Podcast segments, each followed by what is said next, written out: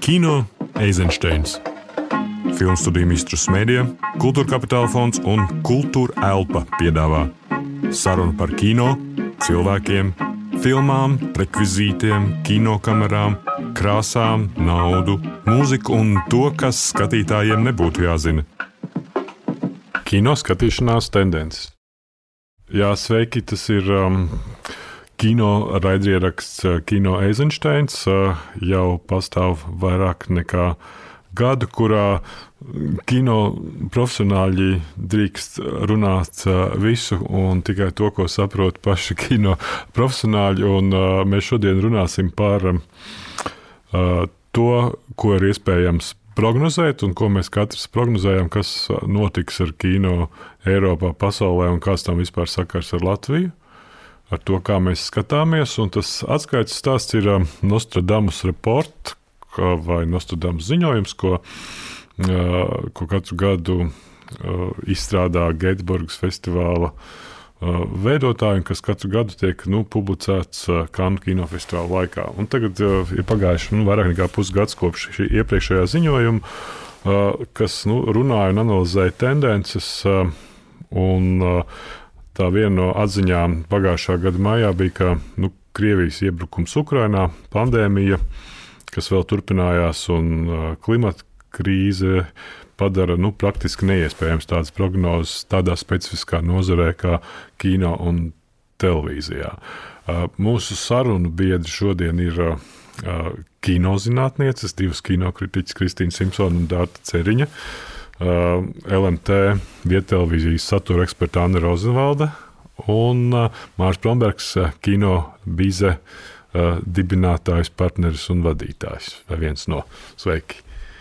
Nu, kas ir tas, ko, ko jūs prāt, nu, kas jums ir skaidrs, ka domājot par to, ko jūs darāt, kas ir tas, kas nu, notiks tuvākos piecus gadus, par ko var domāt, ka tas nu, turpināsies vismaz tajā virzienā, vai pieci gadi ir kaut kāds neiespējams vispār.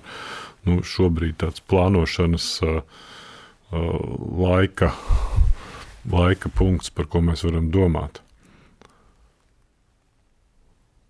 Es domāju, ka katram ir savādāk tā nozara, kurā viņš strādā. Nu, piemēram, no kino kritiķiem es lasīju šajā Nostradamus reportā, ka nu, tur ir skaidrs, ka jāstāv, jāstrādā arī individuāli ar auditorijām, bet uh, ir jautājums, vai uh, rakstītās kino recenzijas ir tās, kas ietekmē skatītāju izvēles un tam līdzīgi. Es domāju, ka tur ir dažādi tie scenāriji.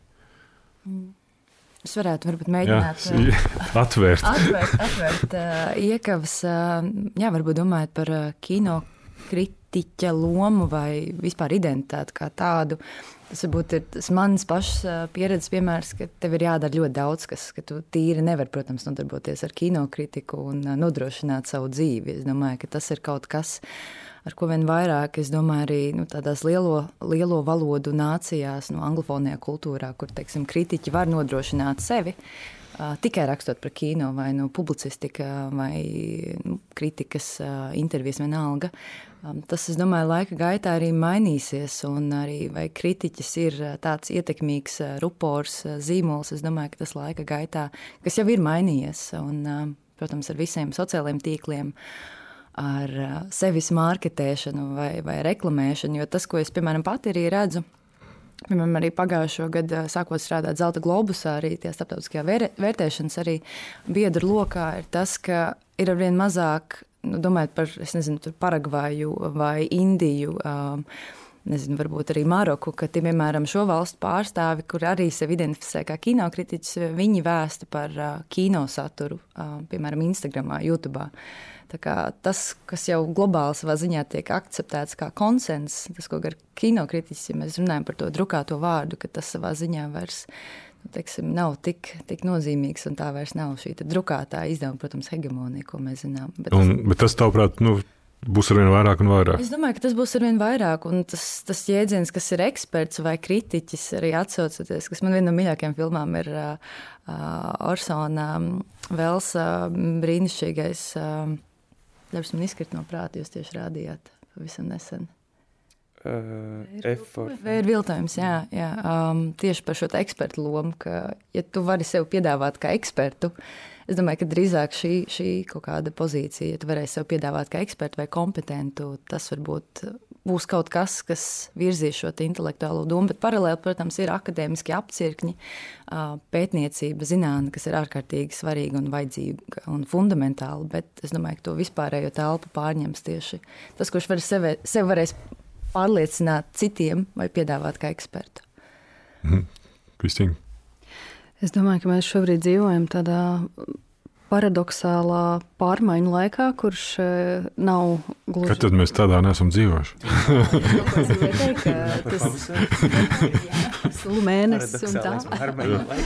Uh, ka šis laiks nav gluži mērāms vienā vai divos gados, uh, ka tas ir uh, diezgan lielo laika nogriezienī.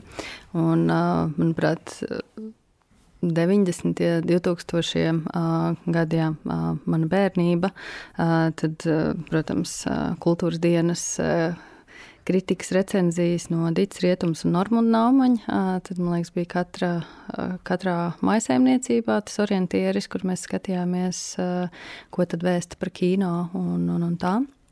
Bet Laikgaitā, kā jau Dārta teica, šī rakstītās preses loma mazinās, ir mazinājusies un turpina mazināties, un turpinās mazināties.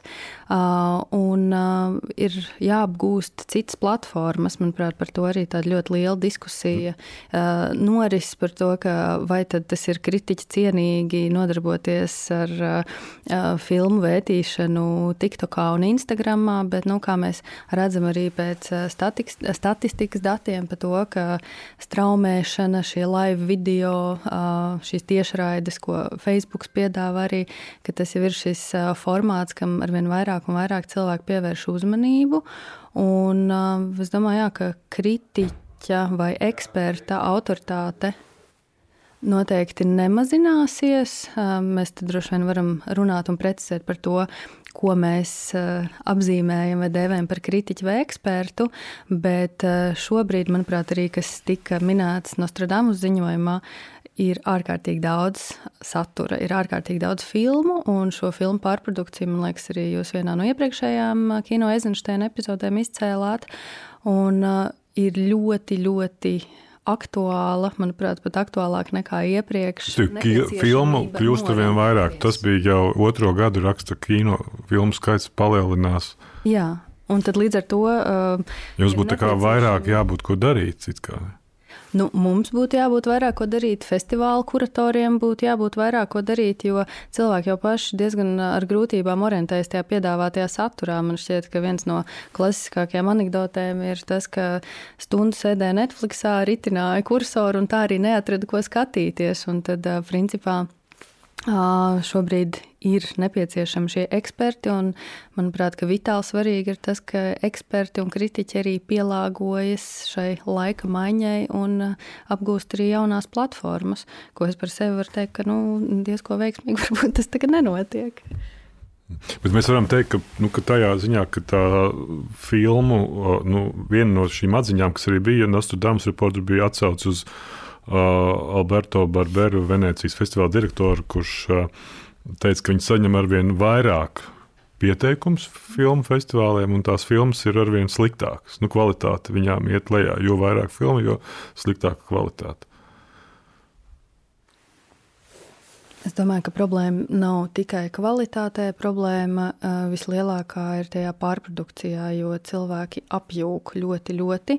Un, līdz ar to, jā, ir lielāks filmu skaits, tad ir lielāks iespējas droši vien arī uzrauties uz kaut ko nelabu. Un uh, droši vien arī tas skaits ir uh, saistāms ar ļoti daudziem faktoriem.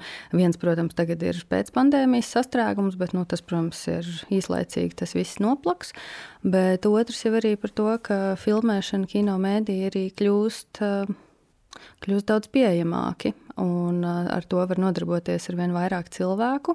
Tas ir tāds asmens ar uh, zobens ar diviem asmeņiem, ka no vienas puses tas ir uh, ļoti vērtīgi uh, un varētu palīdzēt uh, jaunākiem talantiem, nepieredzējušākiem izsisties, bet no otras puses, jā, tas arī dod platformu varbūt izteikties tiem, kam nu, varbūt tas tik labi nepadodas. Mm. Anna Mārija, jūs strādājat divās dažādās izplatīšanas formātos. Vecais klasiskais kino un straumēšanas platforma. Nu, es teikšu, ka straumēšanas platformā šis laiks ir ļoti. Nu, nu, pandēmija uzsita visiem augšā. Es domāju, ka, skaitļus, es domāju, ka tā, jau pirms tam vienkārši tas nav tiešā veidā saistīts tikai ar pandēmiju, bet varbūt ar to, ka liekas, tāda tendence, ka bija viens brīdis, kad Netflix bija tāds, kā teikt, gandrīz vai vienīgais zināmais straumēšanas pakalpojums. Uh, un Holivudas studijas redzēja, ka šādā veidā viņas vienkārši zaudē naudu, atdodot savas filmas, un ka viņas pašas var monetizēt šo saturu. Kā rezultātā mēs praktiski pāris gadu laikā esam nonākuši ne tikai pie Netflix, bet pie Disney, plus pie Paramount, pie teikt, katra. Tagad ir paziņojis arī MGM, ka viņi kopā ar Amazon launčo savu servisu. Kā šīs studijas teikt, redz šā, šādā veidā, ka viņas spēj monetizēt šo saturu. Un arī tas saistīts ar to, ka acīm redzot, arī krītās tomēr kaut kādā ziņā kino apmeklējums. Arī, protams, ka tas arī ir saistīts ar pandēmiju. Tad viss šie procesi, gan tehnoloģija attīstība un pieejamība, pieejamība gan arī vēlme uh, iegūt kaut kādus papildus līdzekļus vai vienkārši izdzīvot šajā jaunā uh, pasaulē, kurā cilvēki aizvien vairāk uh, izvēlās uh, skatīties saturu mājās. Kā, man liekas, ka un, un tas lielā mērā tas nav tikai process, kas attiecās, nu, tas ir kaut kur tur, uh, Amerikā, bet tas visciešākā veidā ietekmē arī Latviju. Un, un uh, vietējie, vietējie straumēšanas pakalpojumi ir vienkārši vienādā konkurencē. Mēs esam tajā pašā tirgu ar Netflix. Ar, Bet ko tas nozīmē atrasties tajā pašā tirgu šobrīd? Tas nozīmē cīnīties par to pašu uzmanību. Mums ir 24 stundas uh, dienā, un uh, tev ir jāmaksā par katru no šiem servisiem.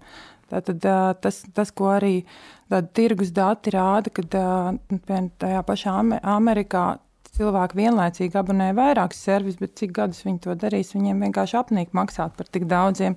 Tad viņi paskatās kādu jaunu vienu seriālu vienā platformā, tad viņi kaut ko jaunu palaiž Disneys, tad viņi grib atkal to noskatīties, un ne visi var atļauties vienlaicīgi maksāt. Nu, tad viņi vai nu piratizē to saturu, vai arī viņi uh, droši vien izvērtē, kas ir vērtīgākais. Es piekrītu uh, arī uh, mūsu kritiķiem, kurus atzīmē to, ka ir vienkārši milzīgs, kā teikt, zināmā mērā jau parādās stresi par to, ka, ko man skatīties un ko man izvēlēties un ko man abonē, abonēt.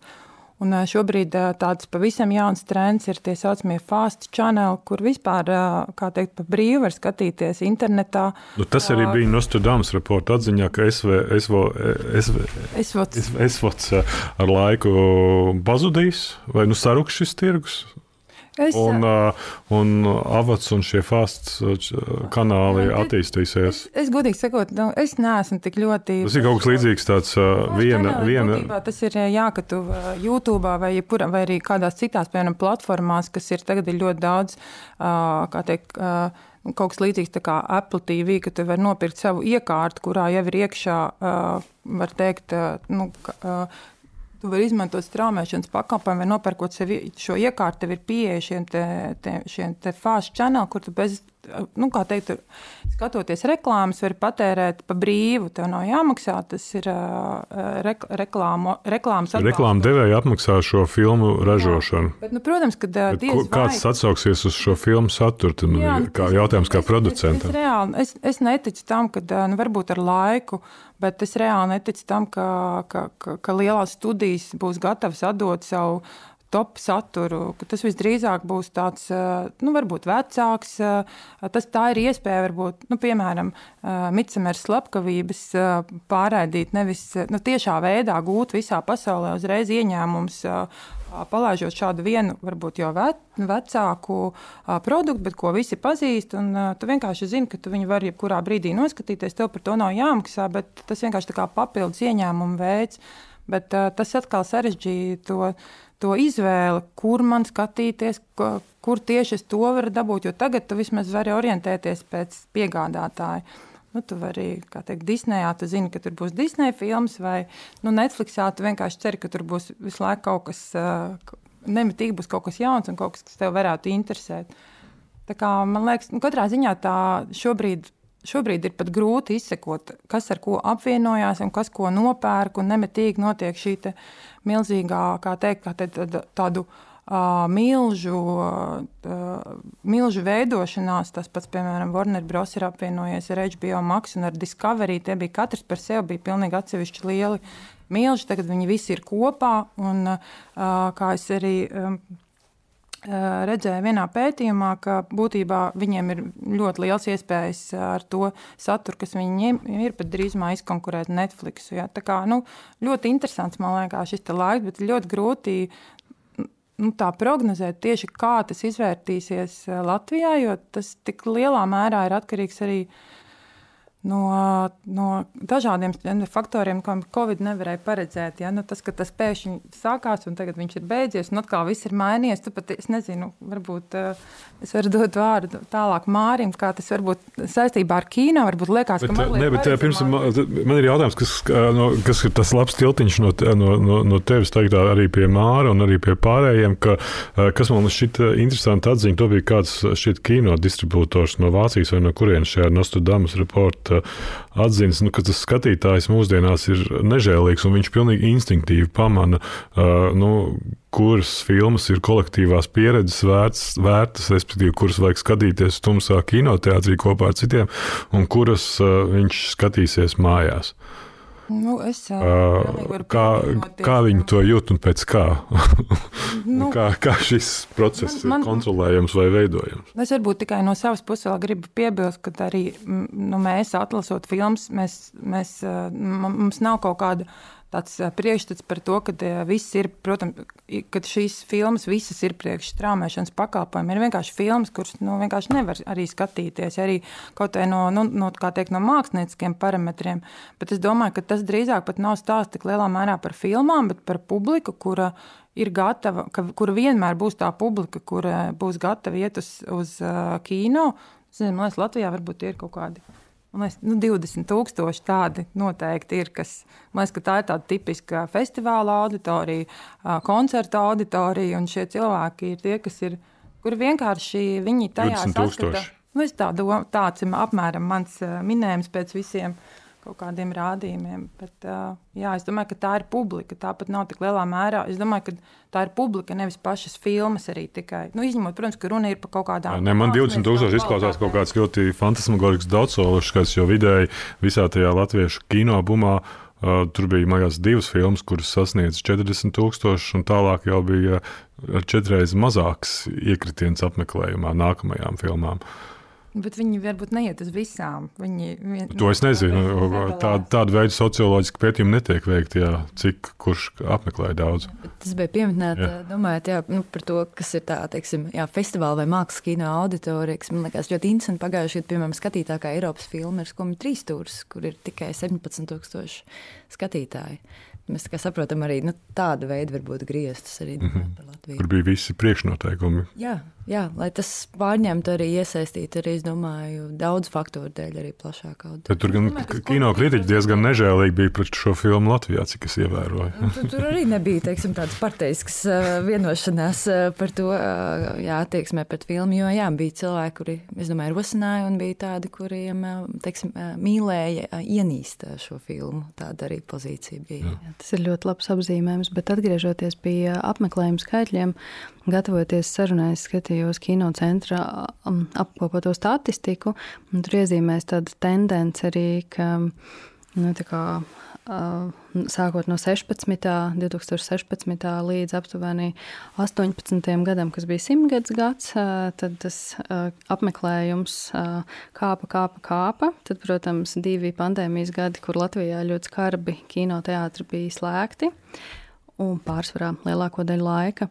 Un tad tie apmeklējuma skaitļi, principā, nu, ir aptuveni kaut kur puse no tā, kas ir bijis iepriekš. Jo pirms tam mēs esam jau tādu diezgan veiksmīgu apmeklējumu statistiku sasnieguši, un, un, un tagad jā, jau pie minētie 40 tūkstoši pat laikam nebija skatītākie. Ja mēs vēl atņemsim no skolas somu, tad droši vien tie skaitļi būs vēl mazāk iepriecinoši. Par to, vai tas ir tā, tā, tā, tā kā Latvijas tendence, vai tas ir arī citur Eiropā, ir tieši tas pats, ka cilvēki neiet uz kino? Ne, tā bija pēc pandēmijas tendence. Mēs droši vien parādīsies nākamajā Nostradamus raportā, kas tiks publicēts, bet es esmu ne, dzirdējis šādus pašus uh, viedokļus arī no citiem. Uh, Francijā bija, kas jau ir. Nu, bija tāda pati tendence. Tas pirms tam parādījās arī Skandinavijas valstīs. Es domāju, tā nav nekāda unikāla Latvijas tendence. Nē, nē precīzi. Un Francijā, jā, te, piemēram, 2019. gadā bija 213 miljonu kino apmeklētāju, un 2022. 151 miljonus. No nu, tā tad arī, ka šie skaitļi pēc pandēmijas, protams, uzlabojas ļoti saprotamu iemeslu dēļ, praktisku apsvērumu dēļ, bet jā, cilvēki. Nostradamus reports nesaka, ka kinoteātris pazudīs. Gluži otrādi - visi kino izplatītāji šajā ziņojumā ziņo par to, ka kinoteātris kļūst nu, teikt, nišīgāki. Uh, nu jā, procentos tā kaut kāda tendence, ko um, es varu atsaukties uz, uz kinoteātru konferenci decembrī, Eiropas kinoteātra konferenci. Un, uh, nu jā, tur kaut kāds tas tā, um, procentuālais kritums, pieaugumi ir bijuši salīdzinot ar pirms pandēmiju. Tad, tad samazinājās apmēram līdz kaut kādiem, pat kritums bija līdz 80%. Un, un tad skatījās pārsvarā uz 22. gadu, kā atgūšanās gadu, salīdzinājumā ar pirms pandēmijas posmu. Un, uh, Un tad Francijā, Vācijā bija labākie rezultāti, nu, viena no labākajiem rezultātiem, kas bija 30% kritums salīdzinājumā ar pirms pandēmiju. Itālijā bija vēl joprojām diezgan smagi, 50% kritums salīdzinājumā ar iepriekšējo, ar labo posmu. Um, un, nu, un tad mēs tur esam kaut kur, jā, nu, 40, 50%. Um, Vai, piemēram, mums bija tikai 25% krituma salīdzinājumā ar. Kā, nu, jā, tur ir kaut kāda izņēmuma arī, nu, arī tādā pašā Itālijā. Tur bija kinoteātris piemēri, kuri nišīgi un kuri tur ar auguši ar savu auditoriju strādā, un kuriem arī, nu, tur, piemēram, 20% kritums ir salīdzinājumā ar ar 19, 18 gadu, bet visā valstī ir vienkārši šausmas, 50% uh, kritums un, un kinoteātris bankrotē vairs ciet, un, un ir nu, daudz, kur vienkārši nozara iet cauri ļoti nopietnām reorganizācijām, respektīvi nevar vairāk strādāt, kā strādāja līdz šim. Um, Un, un Ķīna bija, nu, kā, un ja visā pasaulē pārsvarā tur vienkārši atgūstās tajā 22. gadā, un tad, nu, kā būs 23. jautājums, tad Ķīnā vēl joprojām bija vienīgā, kur turpinājās lejupslīd, jo viņiem nu, viss kā, pandēmija turpinās, un tā bija vienīgā vieta, kur vēl joprojām gāja mīnusos. Uh, nu, tas ir tā, kaut kādam tam ieskatam, kur tev iedod apmēram priekšstatu, kas notiek apkārt pasaulē, un tad, nu, kur, kur, kur tad, kas notiek gan Latvijā, gan arī nu, teiksim, um, pie, pie jums pašiem kinoteātrī. Un, um, Un tas bija jā, tas skats, un, protams, tajā konferencē runāja. Nu, bija, šī, šī, šī bija konference, kad nu, runāja par to, ka krīze, mēs esam nu, krīzē kopumā no, nozara un uh, kinoteātra nozara. Un, uh, uh, Jo ir skaidrs, ka tie ārējie faktori, kas ir nu, karš, energokrīze, klimats un, un, un pandēmija arī, nu, šie būtiski ietekmēs. Ka, nu, respektīvi, visi, visi sabiedrībā, visa pasaule kopumā ies cauri sarežģījumiem, un tajā visā ie, ie, iekļausies arī kinoteātris. Tas nav nekas pat tik ļoti par kinoteātriem, kā tas nu, tāpat arī tajā ziņojumā, kur nu, runāja par to, ka vienkārši ir problēma plaša, visus tas skar, un tas skar, skar arī kino nozari. Um, Un tad, man liekas, vienmēr ir interesanti nu, paskatīties plašāk, jo mēs nu, runājam par kaut kādiem trīs, četriem gadiem, vai varbūt nu, teiksim, kino biznesa strādā desmit gadus. Tādā ziņā man vienmēr patīk Juris ar saviem stāstiem, kuram ir nu, kur 30 gadu tādā laikā uzreiz nu, viņš pastāsta, ka nu, tur bija, ka visi jau bija vērāmies ciet, un pēkšņi tur ar vienu filmu izvilkām ārā, un, un, un nu, kādi tie kritumi un aug, augšu kaut kāda attīstība uh, izrāvieni ir, ir konstanti, kā kaut, kaut kur ik pa laikam viņi ir. Attiecībā no tā, kas notiek valstī vai ārpus arī.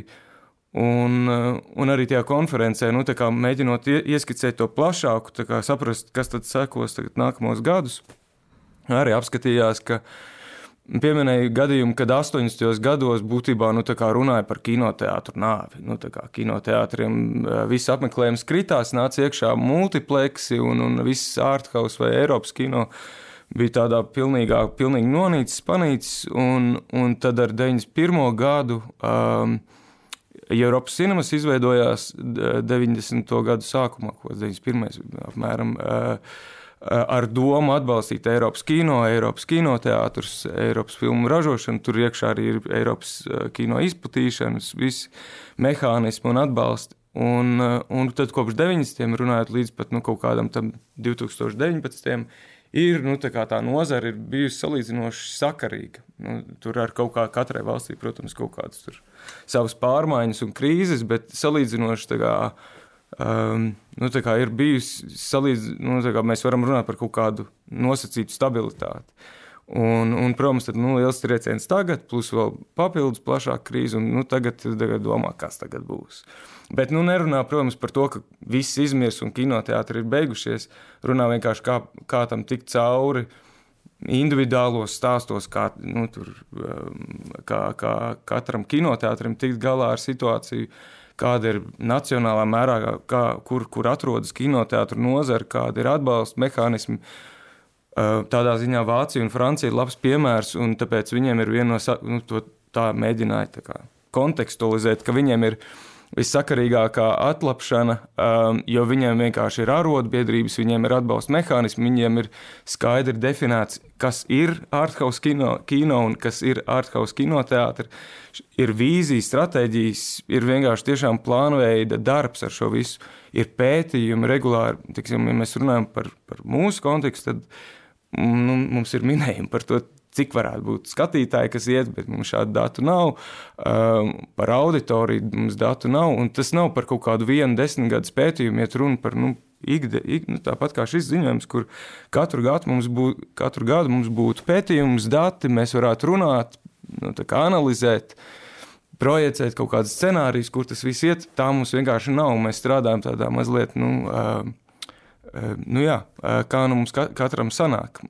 Un tas ir par pētījumiem, par kaut kādiem. Kā, kā jūs zināt, nu, ko skatītājs grib? Jo vienkārši, ja skatītos to, to tos topu, topus, tad es varētu teikt, ka Latvijā vajadzētu ražot tikai filmas animācijas filmas bērniem. Visus pārējos žanrus vienkārši tam nav auditorijas šeit. Nav tā, ka nav. Atkarīgs no cik liela auditorija. Um, nu, jā. Varbūt tās expectācijas ir. Nē, domāju, kas man likās šajā pētījumā ļoti interesants, bija tā piezīme par Dānijas filmu institūtu projektu par to, ka viņi izmantojot dažādas antropoloģiskas metodas un datu rīkus, pēta konkrētos skatītājus potenciālos, kas ir viņu vērtības un mērķi par tiem projektiem, kuri ir vēl ražošanas stadijā vai attīstības stadijā Dānijas filmu institūtā, kas ir respektīvi kādā veidā to skatītāju vērtības sabalansēt ar tām potenciālajām filmām, kas iznāks. Nu, kādā, veidā, kādā veidā mēs varam modelēt to mūsu skatītāju? Dānijas institūts šajā ziņā ir viens no nu, piemēriem, ko minēt šajā ziņā. Nu, viņi ir nu, tādi, kuri arī Eiropas cinemas uh, tikšanās reizēs ir aicināti kā, kā, kā vieni no tiem, kas kas rāda piemēru, kā strādāt. Nevis kā auditorija ir kaut kur, nu, tas, ko arī tajā ziņojumā runā, ka um, nu, ir ļoti problemātiskas attiecības ar, ar auditoriju, ar pētījumiem, ar izpratni, ko auditorija un kā uzrunāt ar visu mārketingu, komunikāciju. Šī daļa viss ir nu, tādā kaut kādā, nu, tā, nu, nu, kā liekas un kā, kā nu katrs darbojas. Dānijas institūts piedāvā ļoti konkrētu jau darbu, rīkus, kā, un tas jau nenosa, nenozīmē, ka viņi atnāk pie tevis kā producenta vai režisora un pasaka, tev šī tā ir jādara. Bet viņi piedāvā datus kinoteātriem, tie, tāpat ko var izmantot, ja tev viņi ir nepieciešami. Tāpat kā, ja tu producē filmu, viņi piedāvā šos pakalpojumus, ko tu vari izmantot, tu vari arī neizmantot. Nu, mēs izlasām, es nezinu, Latvijas sociālajā mēdī par LGBT tematiku, domā tā un tā. Un ko scenārists var iesākt ar šādu veidu.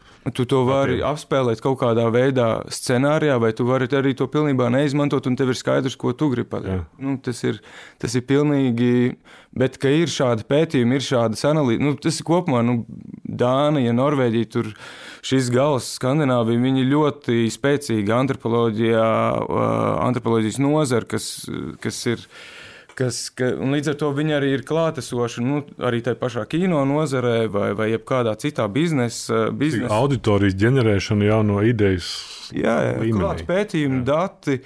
Um, nu, tas pats, ko nu, jā, kaut kādā, lai tu saprotu, kur tu dodies. Nu. Kā jums šķiet, tas ir virziens? Uh, Auditorijas kartēšana man šķiet ļoti būtiska. Paskaidrošu, kāpēc. Ne jau tikai tāpēc, lai mēs šobrīd varētu šodien, rīt, pēc mēneša vai pēc gada piepildīt kino zāles, bet lai mēs varētu piepildīt kino zāles, arī piesaistīt straumēšanas platformās saturam jaunu auditoriju. Jo, manuprāt, tas, ko var gan ASV, gan Francijas, gan citos lielajos tirgos redzēt, par Latviju nezinu, jo, kā jau Mārcis teica, mums šādu datu nav uh, lielākā daļa kino apmeklētāju ir vecuma grupā no 25 līdz 50 plus, respektīvi tie cilvēki, kas šobrīd ir no 15 līdz 24 gadu vecumam. Um, kā mēs uzrunāsim, mēs kā kritiķi, mēs kā kino nozares eh, pārstāvji un pārējie, kā mēs uzrunāsim viņus, kas būs principā nākamie maksātāji par, par filmām un nākamie skatītāji, kas ar savu maciņu ies un balsos. Un tā ir, man liekas, tāda ļoti liela problēma, ko mums kultūra politikas līmenī būtu jārisina. Jo mēs, protams, varam pukoties par to, ka jaunieši sēž TikTokā, Instagramā un uh, dara. Bet ir skolas somas projekts. Ir skolas somas projekts, bet uh, skolas somā, piemēram, kas attiecas konkrēti uz kino, uh, apmeklējums, ja nekas nav mainījies, nemaldos, ir iespējams tikai uz nacionālo kino. Un, teiksim, kurā brīdī un kā mēs radināsim uh, ieraudzīt kontekstu. Pie Eiropas, jā, paskatīties tieši tā īstenībā, kāds tad ir tas konteksts, kur atrodas Latvijas kino Eiropas kontekstā, kāds ir Eiropas kino, un ka, nezinu, pirmā sastapšanās ar Eiropas kino nav kaut kāds obskūrs darbs, kurā viņi ir kaut kādā veidā ieklīduši, nezinu, nu, piemērs. Es biju papildinot arī Kristīnas minēto par, par nākamo paudzi. Tas, kas, tā, kas nāk jau pēc Z, kas ir tā alfa paudze, kas jau būs jā, pilngadīga pēc kādiem pieciem, desmit gadiem. Es domāju, ka viņu teiksim, alfabēts vai gramatika, kā viņi vispār patērēs saturu, būs kaut kas pavisam, pavisam cits. Es domāju, tās autoritātes, ja mēs vēl vismaz arī savu pauģu lokā uzskatām, varbūt nezinu, kinokritiķus, nezinu, varbūt tur ir kuratori, varbūt teāt, kinoteātru direktori vai, vai kas cits, kas, kas spēj kaut kādā mērā ietekmēt to. Mm, intelektuālo domu vai publisko telpu kulsīt. Es domāju, ka tas būs pavisam cits, un tās būs pavisam pilnīgi citas arī stratēģijas. Un tajā pašā laikā arī domājot par šo jaunu auditoriju. Um, ko mēs arī ārkārtīgi bieži, es domāju, arī, piemēram, runājot arī kā kuratorei kinofestivāla kontekstā, vai arī varoties, kādas ir citu prakses, mēs ļoti vispārīgi arī attiecamies arī pret šiem jauniešiem. Mēs domājam, šo jauniešu auditoriju mēs patiesībā varbūt neiedziļināmies, un nav arī nemaz tik daudz. Ir, protams, pāris pētījumi par to, kāda ir šī, šīs patēriņš, kādas ir kognitīvās uztveres specifikas, bet uh, tas ir kaut kas ārkārtīgi, ārkārtīgi atšķirīgs no tā, kā mēs esam pieraduši. Bet, nu, bet manuprāt, ir tas, ko arī jūs iezīmējat, ka Latvijā un arī uh, pēti, šis pētījums, ja mēs runājam, ka Dānijas filmu institūts veids šādu veidu nu, auditorijas pētījumu, tad mēs vispār neveicam šādu veidu. Nu, mēs neko nezinām par mūsu skatītāju jā. pēc būtības. Mēs labi ja zinām viņu vecumu. Jā, labi, jā. Labi, jā. Vai tā ir? Es pārspīlēju. Nē, nu, tic, cik ikdienā nu, kā, tu redzi, kas nāk, un tev ir kaut kāds apmēram nu, tāds nosacīts priekšstats par to, ko, ko, ko cilvēki domā. Tad, kad viņi saka, nu, jūsu tā kino biznesa auditorija, tad es domāju, paga, kur tie ir tie, tie, tie, tie jaunieši, kas bija pirmdienas sešos, vai tie, tie seniori trešdienas 12. Tie ir tā, tas pāris, tā, vai tie ir tie, kuri gribēja speciāli pasākumu un sarunu ar filmu veidotājiem, vai tie ir tie super introvertie, kas nāk tur tajās datumos, kad ir mazāk skatītāji. Tagad tie profili jau ir 101. Un, un uh, kāpēc? Nu, arī domā, vienmēr vajag pasākumu, pasākumu. Cilvēki ir dažādi, kas, kas, kas teiksim, iet un kur grib klusumu, mieru, kur ir pilnīgi anonīmi, vienkārši ielavīties iekšā, aiziet uz zāli, noskatīties filmu un mājās. Um, tā kā, nu jā, kas, kas viņi ir un ko viņi dara, kā viņiem patīk apmeklēt, nu, mēs varētu mēģināt par to kaut kā tur um, vispārīgi mēģināt runāt, bet tam nav, nu jā, tam nav pētījumu. Uh, tam nav kaut kāds tāds tiešām cilvēks, kurš ir. Uh, Tādu pētījumu uztaisīja tajā pašā konferencē, prezentēja mūsu labi draugi no Igaunijas kinoteātra Tartu.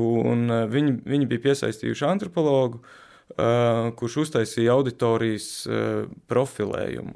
Viņi, viņi nodemonstrēja laikam sešus profilus, tāpat laikā minot, ka viņu ir kaut kādi pacmati vai kaut kādi, ko viņi varētu kā, nu, sazortēt.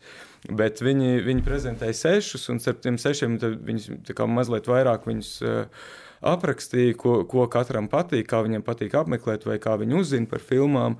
Un tu klausies vienkārši pilnīgi medus maizi. Nu, tu, tu uzreiz domā, tā, jā, ok, tie ir tie, kas pie mums nāk tad un tad. Vai, ah, tie ir tie, kas iet uz, uz tas, tas pāris, kas um, redz tās sejas, kas nāk pie tevis uh, uz, uz kinoteātru.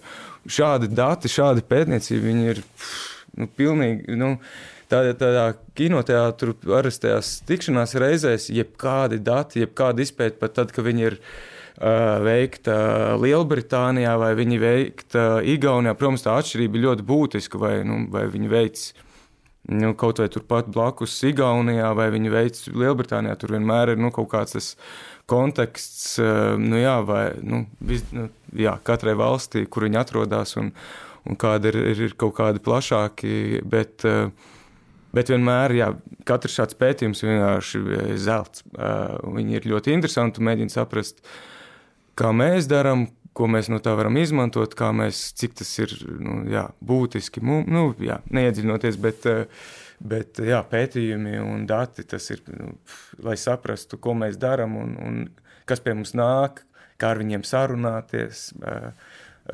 Tas par auditoriju tu jau arī minēji. Um, tas arī ir viens no, no pētījuma rezultātiem, ka auditorijas uzvedība ir, ka uh, ka viņi tāpat vienkārši neieklīst kinoteātrī. Vienkārši nā, šobrīd nevarējām saprast, ko darīt. Um, bet ir ļoti, ļoti apzināti, tā ir ļoti apzināta rīcība. Tā ir uh, izpēt, uz ko iet vai, vai neiet, saprast, vai es to gribu redzēt eh, kinoteātrī, vai varbūt pagaidu vienkārši vēlāk uz mazāka ekrāna. Es atvainojos par, bet, bet nu jā, respektīvi, vai, vai es tam veltu laiku un es eju ārā uz kino, kas ir nu, lielāks solis, vai es pagaidu mājās un, un gan jau noskatīšos uh, kanālā uh, vai televīzijā. Uh, Jo visas, nu, kaut vai tās pašas latviešu filmas, viņas jau visas nonāk uz televīzijas. Jā, jā, jā. Nu, kā, vai, vai es gribu pagaidīt vēlāk, vai es gribu šobrīd iet speciāli, un vai es gribu viens, vai es gribu ar kādu kopā. Vai, nu, kā, un, un, Un tie ir apzināti jau ļoti, nu, tā kā, jā, tās, tās ir apzinātas darbības, nevis, nu, teiksim, uh, ko minēja kā piemēru, ka varbūt es nezinu, par kuriem gadiem mēs runājam, bet, nu jā, apmēram, ka šovakar klīstam pa ielām un, un eh, varat aizem uz kinoteātri. Bijām uz kafejnīcu, iedzērām alu, eh, vai tagad uz kino aizem. Kaut kādu filmu rāda, tagad sešos aizem, ka vienalga, kas tur būs. Tā īsti, nu, jā, tā nedara pārsvarā. Bet straumēšanas platformas tās var precīzāk saplānot. Jā, jā, nē, nē, mēs runājam par kinoteātri. Jā, jā. Nē, bet, piemēram, no straumēšanas platformas tās manā izpratnē var ļoti precīzi nu, ģenerēt, saprast, kas ir tas, ko viņi skatās, cik daudz skatās, un tāpēc viņi arī slinki dalās ar saviem datiem. Nu, bet, mēs ne, mēs ir, bet tāpat tās, kā kinoteātrī, tu jau arī vari saskaitīt, cik tev ir bijuši klienti uz kuru filmu. Tā, tieši tāpat mēs tikai ļoti precīzi, mēs varbūt vēl vairāk redzam arī to uzvedību, cik ilgi katra filma ir skatīta. Ja tu vienkārši vari nojaust, kad te piem, vai arī nu, tu redzi, cik ir bijuši skatījumi un cik ir bijuši unikālie, kā teikt, unikālie, unikālās mājasēmniecības. Tu vari redzēt, ka ka varbūt nu, var mazliet dziļāk tā var būt tā, tas redzējums, bet viņš vienalga tev nepastāst neko par to, kas, kas tur ir. Vai tā ir sieviete vai vīrietis. Vai... Mēs, varbūt, mēs varam analizēt savu klientu. Mēs zinām, ka mūsu klienti, piemēram, ir galvenokārt cilvēki, kas dzīvo piemēram lauku mājasēmniecībā mājsaimniecībās, piemēram, vai ka tie ir vairāk rīznieki, nu, tie ir pēc viņu adre, pēc tā, kā ir noslēgts kā teikt, pakalpojumu līgums, bet tu nevari tev aizliedz teikt, datu regula ieiet. Nu, arī mēs nevaram zināt jo mājsaimniecībā dzīvo vairāk cilvēku un uh, līgumu par pakalpojumu ir noslēdzis viens. Un tad mēs pēc tā viena būtībā izdarām secinājumus par to, nu, ka, kas, tā, kas tā ir tāda par mājsaimniecību, kas tie ir par cilvēkiem. Kaut kas līdzīgs, tā kā Mārs arī teica, tā diezgan tausties. Bet, nu, es domāju, ka, protams, ka tā, uh, nu, tu vari detalizēt, tu vari vairāk trendus redzēt, jo viss šīs te, nu, viss šī informācija tev tomēr, nu, kā, kā teikt, viņi ir, nu, viņi saglabājās tādā apkopotākā veidā, viņi daudz vieglāk ir uh, analizējama, jo viņi ir momentāni. Tu redzi, tev ir nedēļa, pirmā nedēļa, tu uzreiz redzi, tu vari salīdzināt ar visām citām filmām, kas tev vienlaicīgi ir. Tu vari izdarīt kaut kādus kopīgos secinājumus. Bet, nu, arī pie latviešu filmām viņas arī iekļāvās nu, tajā pašā tēzē, kas ir šajā ziņojumā, ka filma kļuva, arvien, kļuva un kļūst ar vien vairāk. Nu, domāju par spēļu filmām. Uh, jā, jā nu, tas arī ir atzīmēts, ka nu, vispār kļūst ar vien vairāk, kļūst filmu radās, un, un viņu kvalitāte attiecīgi arī sarūk proporcionāli. Vai jūs šo pašu tēzi attiecināt uz latviešu kino? Nu, ja. Kino kritiķis ar zvaigznītēm. Kāds ir vidējais zvaigznītes? Ja ir kaut kāda matemātiski izteicama tā kvalitāte, tā kā mainoties uh, apjomam, ja tā proporcija, tā, nu, proporcija paliek tāda pati, bet es nezinu, vai tādas matemātiskās likumības var attiecināt uz kino, bet eh, viennozīmīgi mēs varam runāt vispār par jebkāda veida kultūras satura eh, pārpludinājumu. Tas arī ir kaut kas, piemēram, um, kultūras šokā, ko arī Oris Silabietis eh, minēja pagājušajā nedēļā tieši arī koncertu mūzikas eh, un arī akadēmiskās mūzikas eh, kontekstā, ka šobrīd ir tik daudz arī gan skaņdarbu jaunpasūtinātu, vienalga mēs arī domājam, varbūt tagad teātra vidē varbūt ir mazliet labāka tā, tā visa asinsrites regulācija, bet ir tik daudz satura un skatītājs vai vienalga patērētājs arī domājot par to pašu inflāciju. Uh, nu, ir nostādīts tādā ļoti neviennozīmīgā arī situācijā. Tas vienkārši atgriežoties pie tām Latvijas filmām, un tas, ko tu minēji, Gint, par to, ka spriežot pēc rādītājiem, mums ir jāveido tikai animācijas filmas, bet ir jau, protams, arī tas saucamais koncepts, kas ir, piemēram, amerikāņu kino, arī mārketingā ļoti dzīves, ir tas events cinema. Tad, tad, tas ir tāds tā kā kino seans, kā, kā notikums, kā pasākums. Mēs, piemēram, analogi varam domāt dvēseli puteni vai savā ziņā arī janvārim arī ir tas pats potenciāls, ka tas ir tāds filmu kā notikums. Bet mēs redzam, ka tā kārtība, kāda bija pirms pandēmijas, kad skatītājs ir gatavs iet, arī šajā milzīgajā, milzīgajā apjomā, kur īstenībā tā kvalitāte varbūt pat nav aptverama. Arī, es domāju, arī, arī mums, piemēram, Kristīni, arī vētot, ir arvien grūtāk. Arī. Bet ko tu saproti, filma kā notikums? Viens... Man aizstāja filma, kā notikums ir uh, divi izpārdoti seansi. Splendid palasā ar Jūlu un Eju un uh, Dāļu Sāboliņas ievadu vārdiem. Tas, tas, tas, ko, piemēram, izprot, nu, teiksim, Ziemeļamerikā, Holivudā, tā ir filma, nu, piemēram, ieskicējot pandēmiju, tad gaidīja, kas būs tā lielā filma, kas, kas tā kā atsāks uh, iespērs, teiksim, pa durvīm, un, un tad viss gaiss tā kā atkal atsāksies. Bija runa par Kristoferu Nolanu Tenetu Jā. 20. gada vidū, tad cerēja, ka varbūt Marvel šīs te franšīzes atdzīvinās. It kā kaut kas notika, tas bija atsevišķi notikumi, bet tā nekļūst. Tā ir metode, kura var, kur jā, strādā jā, un var strādāt arī. Tā ir tā problēma, un varbūt tagad bija tikko avatar otrā daļa iznāca, kas, kas protams, varbūt, domāju, daudzus arī nostalģijas aizrautos arī atsauca, bet, bet arī pat šīs te franšīzes un tādas savā ziņā jau tādas mūmiju 4. 5. daļu jau, jau tie piedāvājumi, viņi arī vairs pat īsti nestrādā. Tas ir tas, varbūt, manuprāt, interesantākais, domājot arī par kases rādītājiem. Jo šobrīd, piemēram, pavisam nesen arī lasīju rakstu, tāds viedokļu raksts par tā saucamo moral fatigue, nu, ka ir jau pilnīgs tāds nelabums no, no arī šiem lielajiem, lielā budžeta filmām, kas faktiski kļūst vienveidīgas. Viņas kļūst vairāk, bet viņas ir vienādas. Skatīties, klausoties, ko, nu, ko, ko mēs runājam, tā vienkārši domājam, bet mēs tā kā kaut kādā ziņā, mēs tā kā senāk, mēs tagad principā apšaubām to, ka ir kaut kāda laba, tā vērta filma, un tāpēc cilvēki sēž mājās un viņi neiet, tāpēc, ka vienkārši nav to labo filmu. Es vienkārši, man, es, es īsti, es nezinu, vai, vai tas līdz galam nu, ir ir tā, ka vienkārši ir jābūt baigi labai filmai, lai viss tagad ietu, vai kaut kā, nu, ka tas ir vairāk tiešām tas, ka mēs kaut kā sagaidām pēc tā, nu, ka vienkārši pasaule ir mainījusies, un, un, un tad varbūt tas pētījums ir par to, kāpēc tie cilvēki neiet, vai viņi neiet tāpēc, ka viņi tiešām, tā kā tu teici, nu, gaida, kad būs televizorā, un, un aizvien cerūk tā auditorija, kur vienkārši ir nu, gatava iet uz vienalga, ko Jo, nu, kā no vienas puses, saka, jā, ka cilvēki, kā teica, ir gatavi meklēt, viņi to izvēli izdara daudz apzinātāk. Un es domāju, ka tur ļoti liela daļa taisnības, ka vienkārši agrāk cilvēki gāja Viņi vienkārši gāja, tiešām, nu, tad svētdienas vakars, viņi vienkārši paskatās, kas ir programmā.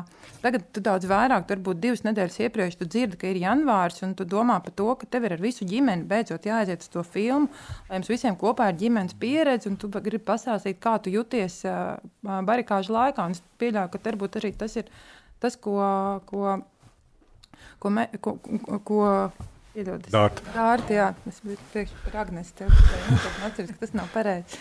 Jā, kad vienkārši tas, ka tev ir kaut kam jābūt, bet tas pat, tam pat varbūt ir kaut kādā ziņā lokāl, lokāliem, lokāliem kino uh, darbiem pat ir lielāka loma tajā atmodināšanā nekā kaut kādiem pasaules grandiem. Tāpēc mēs arī redzam, nu, arī ko, ko piemēram Netflix dara. Viņi, viņiem šobrīd ir korejiešu vilnis, viņiem ir japāņi, viņi ļoti daudz naudas iegūda Āzijā. Viņi šo globālo tirgu mēģina iekarot tieši mēģinot to vietējo interesi, jo tas tev ir vistuvāk. Tas Nu, ar ko tu vēl vari pamodināt? Nu, labi, to Marvelu, es tur vai Top Gun Maverick noskatīšos, kad būs. Ja, bet tev vai, tu, man liekas, ka tas ir tas jautājums par to, ka tu gribi būt daļa no, tā, no, tā, no tās. Nu, no tā no tām sarunām, no tā, ka cilvēki tieši tagad par to runā, un, un uh, tu gribi būt aktualitātē. Un jautājums par to, cik liela ir tā auditorija, un katru reizi varbūt tā ir cita, nu, kurai tas ir aktuāli, un tad tev tas maksimums no tās kura grib būt tajā. Es domāju, tieši par kino, kur uzreiz grib par to runāt, būt tajā burbulī, kur cilvēki apmainās. Jo pēc tam nu, tas ir kaut kāds, man liekas, vispār ir tāds kino šarms. Viens ir tas, ka tu, nu, vai pat ne tikai kino, bet vispār, ka tu kaut ko kopā vienlaicīgi dari un tad par to runā. Nevis kaut kad pēc tam, kad visi jau noskatījušies Vensdē, tad tu pēc teikt, pusgada arī noskaties, neviens par to vairs nerunā. Nu, tu gribi būt tajā vilnī ar visiem kopā. Bet par to piedod. Es jau beidzu. Paldies. Nē, nē, es par uh, kino apmeklēšanu mēs runājam par vairāk mākslinieciskiem aspektiem, bet kas arī mūsu jau apspriestajā ziņojumā ir minēts, arī ir ekonomiskā situācija. Jo dzīves dārdzība, komunālo maksājumu, hipotēku, visi iespējami izdevumi pieaugumi un nu, došanās uz kinoteātri, kā to Anna minēja, piemēram, diviem cilvēkiem ar diviem bērniem aiziet uz kinoteātri piekdienas vakarā. Nu, um, Droši vien, nevar izlikties to. Dārgāk nekā Netflix mēneša abonents. Jā, jā, tieši tā. Un, bet atgriežoties pie priekšējā jautājuma par latviešu kino, um, man šķiet, ka nu, es sāku rakstīt par kino 2011. gadā, un nu, tas ārkārtīgi liesais piedāvājums, kas bija, protams, arī dažādu gan ekonomisku, gan, gan citu apsvērumu dēļ, tas nav salīdzināms ar to, kas ir šobrīd. Un, manuprāt, ka lielā mērā atslēga, lai piesaistītu uzmanību nacionālajiem kino saturam latviešu valodā, liela nozīme ir daudzveidībai. Um, un, uh, to mēs labi redzējām gan ar simtgadus projektiem, gan ar pēc tam uh, projektiem, kas ir mērķēti jauniešu auditorijai. Um, piemēram, Marcelīnas Martinsons Tīzlenes, kuras es, manuprāt, jau katrā sarunā izceļu kā ļoti labu piemēru, kas runā ar uh, konkrētu auditoriju, konkrētu vecuma mērķa auditoriju. Un, uh, ja mums nav satura konkrētajiem vecuma vai nezinu, demogrāfiskajiem segmentiem, tad, uh, protams, šie cilvēki, šīs vecuma dažādajās vecuma grupās, viņi jau ies un meklēs saturu citur, tad mēs brīnamies par to, ka bērni labāk runā angliski nekā latviešu, piemēram. Jo nu, varbūt nav līdz galam tik daudz pieejams. Bet, protams, atkal no otras puses, arī mūsu kino aizstāvībai nu, mēs nevaram arī konkurēt ar um, Amerikas un citu kino lielvalstu budžetiem, mārketingā arī. A, ko darīt ar filmām, kurām nav skatītāji, kuras ir labas, kuras ir uh, publisko fondu atbalstītas, bet uh, nav skatītāji? Klusums, daudz nozīmīgs klusums. Viens no kaut kādiem datiem, kas, kas izskanēja tajā pašā un ko es apskatījos pēc tam tagad no 2000. gada rezultātiem arī mums kinoteātrī, bija um, tas, kas izskanēja no vienas. Jūs arī uzņēmāties izplatīt pakalniņus, jā, filmu? Jā, jā. Um, bija... Rigif. Rigif. Jā, jā. Nu, mēs, Rīgā, bija, ka viens no kinoteātriem teica, ka, um, ka no 150 filmām, ko viņi gadā ir parādījuši, desmit filmas veidoja 50% no, no kases, no kases ieņēmumiem. Es apskatījos, mums bija, mums bija ļoti līdzīgi. Mums bija 12 filmas, veido 50% no kases 116 filmām. Respektīvi, nu jā, ir, ir šis, nu, es, man liekas, tas, tā, tas rādītājs iedara, iedarās šajā gadījumā, kur prasa, kas notiek ar tām pārējām filmām, un tad, nu jā, tajā ārpus tām 12 filmām, nu jā, kur, kur ir diezgan, diezgan pulks, kuras tur, nu, iznāk, bet, nu, viņām, nu, tu viņu nevar noturēt uh, uh, repertuārā kur, kur vienu vai otru iemeslu dēļ vienkārši nav skatītāju, un lai arī tu viņu gribētu rādīt, vai, vai, vai jā, tev vienkārši nenāk skatītāji. Un, un... Nevajag tādus filmus taisīt. Vienkārši nevajag. Nu, jābūt tā, ja piemēram desmit filmas atbalsta Nacionālās kinocentrs, nu, būtu labi, ja nebūtu sešas no viņām tādas. Ja viņas ir. Tavs viedoklis, ja? Nē, es domāju, ka, nu kā, tomēr ir jābūt balansam. Ja tev, tā, ja ir, es domāju, ka, protams, ir vieta tādām mākslinieckām, kausvērtīgām filmām, varbūt pēc 50 gadiem par viņiem taisīs uh, kino lektorijas, un viņi būs Latvijas kultūras vai, vai es nezinu, pasaules kultūras kanonā. Bet es domāju, nu, tādā, piemēram, kaut kādā nacionālā līmenī tas tomēr būtu diezgan. Nu, tā sautīgi zināmā mērā. Bet es, piemēram, producēju filmu uh, Semaceļojumu Maika Karapetjana apmēram 1700 skatītāju kinoteātros Latvijā. Uh, Bet filma ļoti labi tika demonstrēta Amerikas Savienotās valstīs, kas ir lielākais tirgus. Viņi nomainīja filmai nosaukumu uz Kvieciens uh, no Zeme ceļojuma, un viņai bija gan kino izplatīšana, gan viņa ir skatāma visā, visās platformās. Mājās es teiktu, no tāda viedokļa vislabāk starptautiski ejošā filma pagājušajā gadā. Bet tā tad viņai ir auditorija. Tu, tu, tu, bet, bet ne Latvijā. jā, bet tas ir kaut kas cits. Nu, es domāju, ka tas ir, tas ir ok, bet man liekas, ka tādai. Nu, ka ir jābūt tomēr politikai, kur tu, nu, tu rēķinies, ka ir. Jo savādāk būs tā, ka uh, cilvēki vienkārši neies uh, uz filmām, jo no viņiem varbūt tiek sagaidīts. Uh, ka viņi būs pacietīgi, bet viņi, nu, ir daļa cilvēku, kas vēlas komerckino, un ir daļa, kas vēlas bērnu, un daļa, kur vēlas augstvērtīgu uh, kino pieredzi. Ja? Man liekas, ka vienkārši ir jābūt tam balansam. Jo, ja ir tikai tādas filmas, tad vienkārši nu, tā varbūt, un ja viņas iznāk trīs vai četras pēc kārtas, un tu varbūt esi vīlies, tad pēc tam, es domāju, ka tā ir kaut kāds tāds politikas jautājums arī. Un es domāju, ka tur atkal parādās arī gan tāda kinokritiķa, gan kuratoru loma un kinoteātra repertuāra loma, ka tu, nu, tā ir tava māka saplānot savu repertuāru tā, lai tev ir, nu, ir kaut kāds balans, un lai tu viens dienas laikā var izvēlēties starp dažādām uh, dažādām pieredzēm. Tu, nu, vai arī, protams, ja ir kaut kāds specifisks kino, nišas kinoteātris, ka tu zini, ka tu savu auditoriju, nu, ka tu tā kā kopu un cieni savu auditoriju un neliec viņai vilties. Jo ņemot vērā arī šos finansiālos apsvērumus, arī nu, salīdzinot arī ar, runājot arī par teātri šobrīd, nu, ja tev biļeti maksā 35 eiro, tu tagad jau sāc padomāt, vai tu pirksi uzreiz, ka tev patika anotācija, vai tu padomāsi, nu, es paklausīšos, ko saka. Jo, ja tu aizej un vilties, tad tu par to naudu jūties. Nu, kā... Sabiedriskā nu, televīzijā, BBC ir tāds jēdziens value for money, cik daudz iztērētā nauda. Tad jautājums, ja mēs nu, šādā veidā skatītos uz savu skatītāju, vai mēs varam skatīties šādā veidā uz skatītāju, cik izmaksā nu, viens kino skatītājs valstī. Nu, es domāju, ka nu, tas ir, liekas, tas ir kaut, gal, kaut kāds galējības, bet es domāju, ka jā, nu, tas vienkārši dod tev kaut kādu atbildību abās pusēs. Jo arī, nu, arī producentiem ir jābūt atbildībai, un ja viņi skaidri apzinās, ka šī būs tā filma.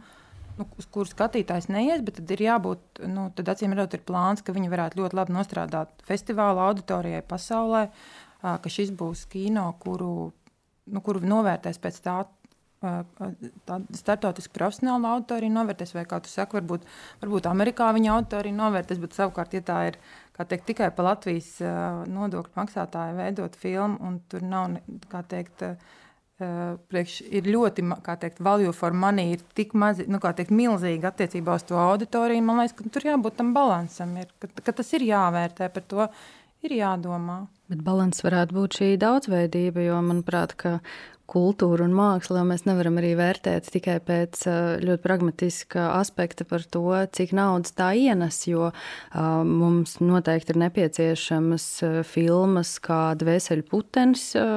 Es gan atsevišķi, droši vien tā ir atsevišķa saruna par to, kā šī filma tika finansēta, bet mums ir nepieciešami šie vēsturiskie epi, manuprāt, kopš 18. gada vai vēl senāk, bet principā visi skatītākās Latvijas filmas ir bijušas vēsturiskas drāmas. Nu, tā kā te ir šis.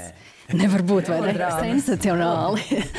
un, nu, bet mums ir jābūt un, un, un jāfinansē un, un jāpalīdz un, un jāizplata arī filmas, kurām ir tūkstoši skatītāji. Es domāju, ka tāpēc, ka tām ir tūkstoši skatītāji vai mazāk, tās nav mazāk vērtīgas. Tad droši vien ir jautājums par komunikāciju, par kino izglītību, ko droši vien var atkal atsevišķā sarunu sējumā principā veidot, un par ieradumu, un te arī tad piebilde par to, ka, piemēram, festivāli varētu būt šī, šo filmu, piemēram, arthouse filmu auditorijas, laikam arī negribētu marginalizēt festivālus, jo, piemēram, no arī savas pieredzes Rīgas starptautiskajā kinofestivālā Nu, arī festivāls tiek programmēts ļoti, ļoti dažādi, ka tur arī ir gan šie darbi, kas, um, kas ir um, spējīgi piepildīt Splendid Palace lielo zāli principā pāris stundu laikā, un tad ir atkal mazāk zināma autora darbi, uz ko atnāk varbūt kino fenšmekeri, un, un, un tas ir notikums pilnīgi citā. Jo tajā BBC idejā viņi jau nav tikai izmērīt, cik daudz mēs naudas iztērējam. Tas value for money nozīmē, ka tā vērtība,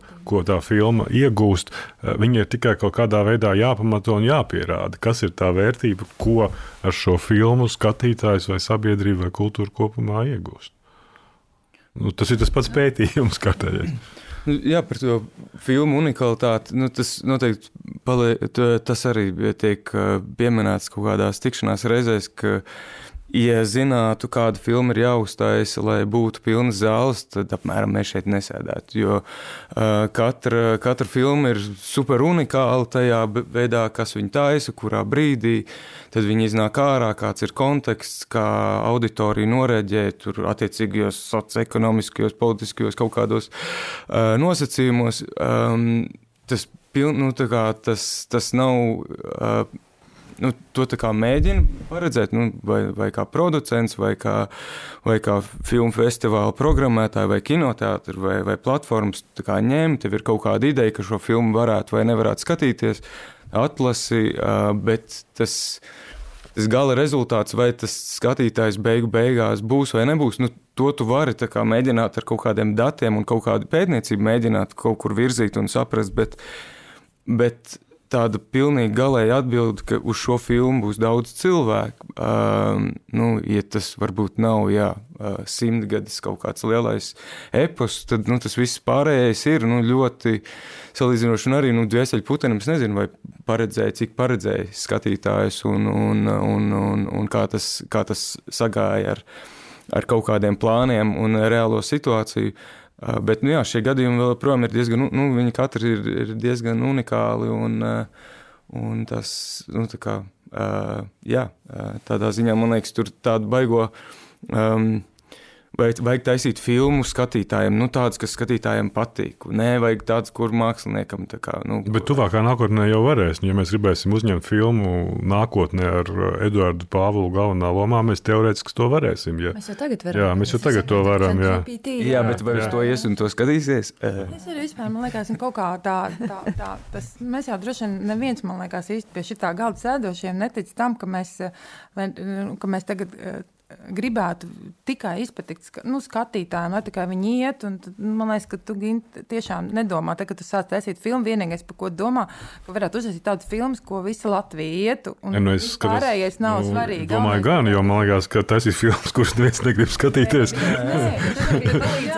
Auditorija ir, zināt, ka man liekas, ka neviens, tā liela atšķirība starp neviens un uh, 40 tūkstošiem, jo man liekas, ka tā, nu, tu, tomēr tur ir kaut kāds balans starp to, nu, tur ir arī režisors, kurš kaut ko grib pateikt, un viņam tomēr ir kaut kāda doma, kāpēc, nu, kāpēc viņš vispār to filmu es, nu, tur taču apakšā arī tām mazām filmām, nezinu, par, par uh, Marģeru Vestermanu. Tur, protams, ka varbūt uz to filmu neaizies daudz cilvēku, bet ir svarīgi, ka tāda filma ir, ka viņa dzīve, viņa stāsts tiek piefiksēts uh, vai, vai, vai nu, un tam tur vispār nav stāsts vairāk par to, cik cilvēku aiziet. Tas vienkārši pats kā, nu, kā kultūras fakts. Vienīgais, Eh, es, es domāju, nu, man tas liekas, kā kultūras fakts svarīgi. Un tad droši vien ir vajadzīgi tie pētījumi, nu, lai mums nav tāda ignorance, ka mums dažiem liekas, ka tas ir svarīgi. Un uh, varbūt ir kaut kādas citas svarīgas lietas, par ko cilvēki gribētu, lai tā ir filmas. Un tad viņi ietu, un tad, un tad nu, no šāda pētījuma par vērtībām, kas viņiem ir svarīgas un par, kuru, par ko vispār netiek runāts,